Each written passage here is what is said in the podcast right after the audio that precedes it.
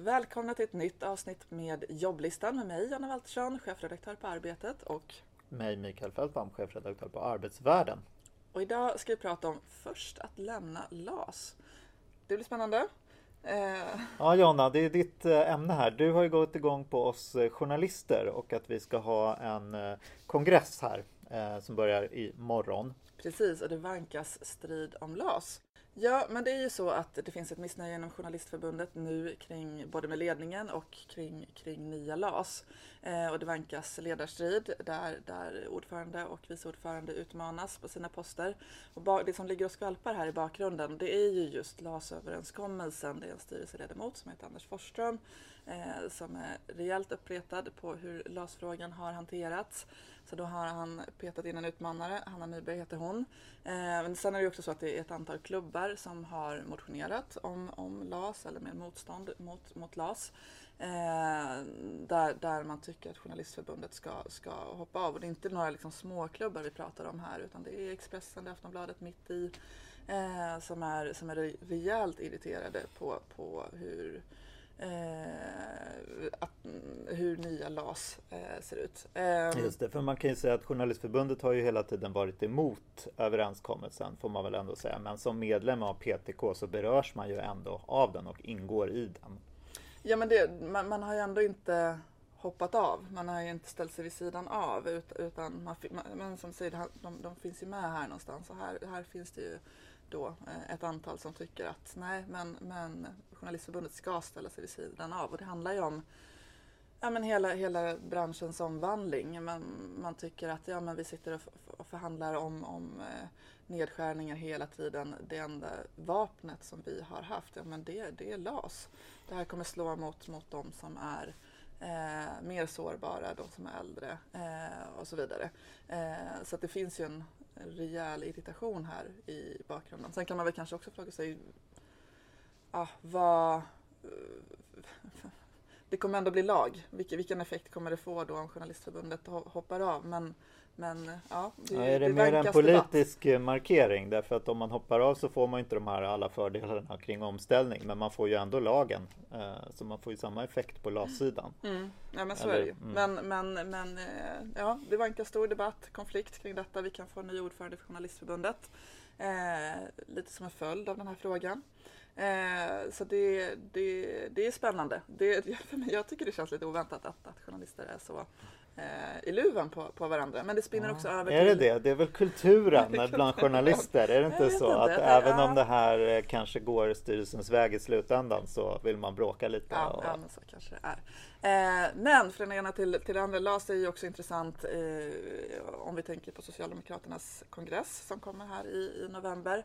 Eh, då, då partistyrelsen har ju uttalat sig för överenskommelser, säger att det är en game changer. Så att nu försöker man ju måla en väldigt positiv bild av, av nya LAS. Det här irriterar såklart ett antal LO, LO-förbund och vi på Arbetet intervjuade Johan Lindholm, byggnadsordförande, nyligen som, som sa att Går det här igenom på kongressen eh, så, så, innebär det de facto att det splittrar arbetarrörelsen. Han kommer inte kunna gå ut och försvara nya LAS i kommande valrörelse. Så det gnisslar ju på många håll och kanter kring glas och det, ja, det tycker jag är intressant. Det är intressant att man har eh, tagit ställning så starkt för den här överenskommelsen som man ju egentligen inte vill ha från Socialdemokraternas sida. Ja, ja men precis. Eh, det kan jag också tycka. lite, lite oväntat mm. kanske. Mm. Mm. mm. Vad ska ja, du prata om? Jo, jag ska prata om det här med att just nu är ju även många akademiker eh, långtidsarbetslösa. De där siffrorna har ju skjutit i höjden och då har man faktiskt gjort så från eh, Eh, regeringens sida att man har sett till att har man varit långtidsarbetslös eh, och ingår i en särskild garanti då så ska man ha rätt till eh, även högre utbildning, alltså universitet och högskolor genom aktivitetsstöd i Arbetsförmedlingen. Och då har vi tittat lite på de här siffrorna och kommit fram till att att eh, fram till eh, i våras, då, april i år, så var det bara eh, drygt 300 personer som hade fått sån högre utbildning. Och det motsvarar eh, ungefär 4% av alla med det här Mm, det eh, stödet för, som har fått utbildning. SFI är ju det stora, eh, det är det vanligaste stödet för utbildning. Mm. Och sen är det olika grundläggande utbildning. Och det där, vi undrar ju vad beror det där på? Liksom, är man ovan från Arbetsförmedlingen eller handlar det om att man eh, ofta tror eh, vad vi förstod handlar det om att man säger att nej men eh, det där kan man plugga med CSN-medel. Men då ska Mm. man ju ta stora lån då. Mm, och det är kanske inte är så lätt om man är eh, lite, lite äldre och ja, man inte vill, vill det på sig liksom, ny, nya lån som man ska behöva betala. Precis. Ja, nej, men så att Arbetsförmedlingen gör ju naturligtvis en bedömning där. Men, men resultatet av den har hittills varit att det har varit vä- väldigt få som har fått högre utbildning. Mm. Vilket ju är lite eh, liksom problematiskt eh, om man tänker på att, hur det ser ut. Att det just är akademiker som börjar bli långtidsarbetslösa och som kanske behöver fylla på, som har en, en rejäl gymnasieutbildning och, och, Mm. och pluggat efter det, men som ändå behöver utveckla sig. Och då hjälper ju ofta inte eh, yrkesutbildning eller eh, grundläggande gymnasieutbildning. Mm. Mm.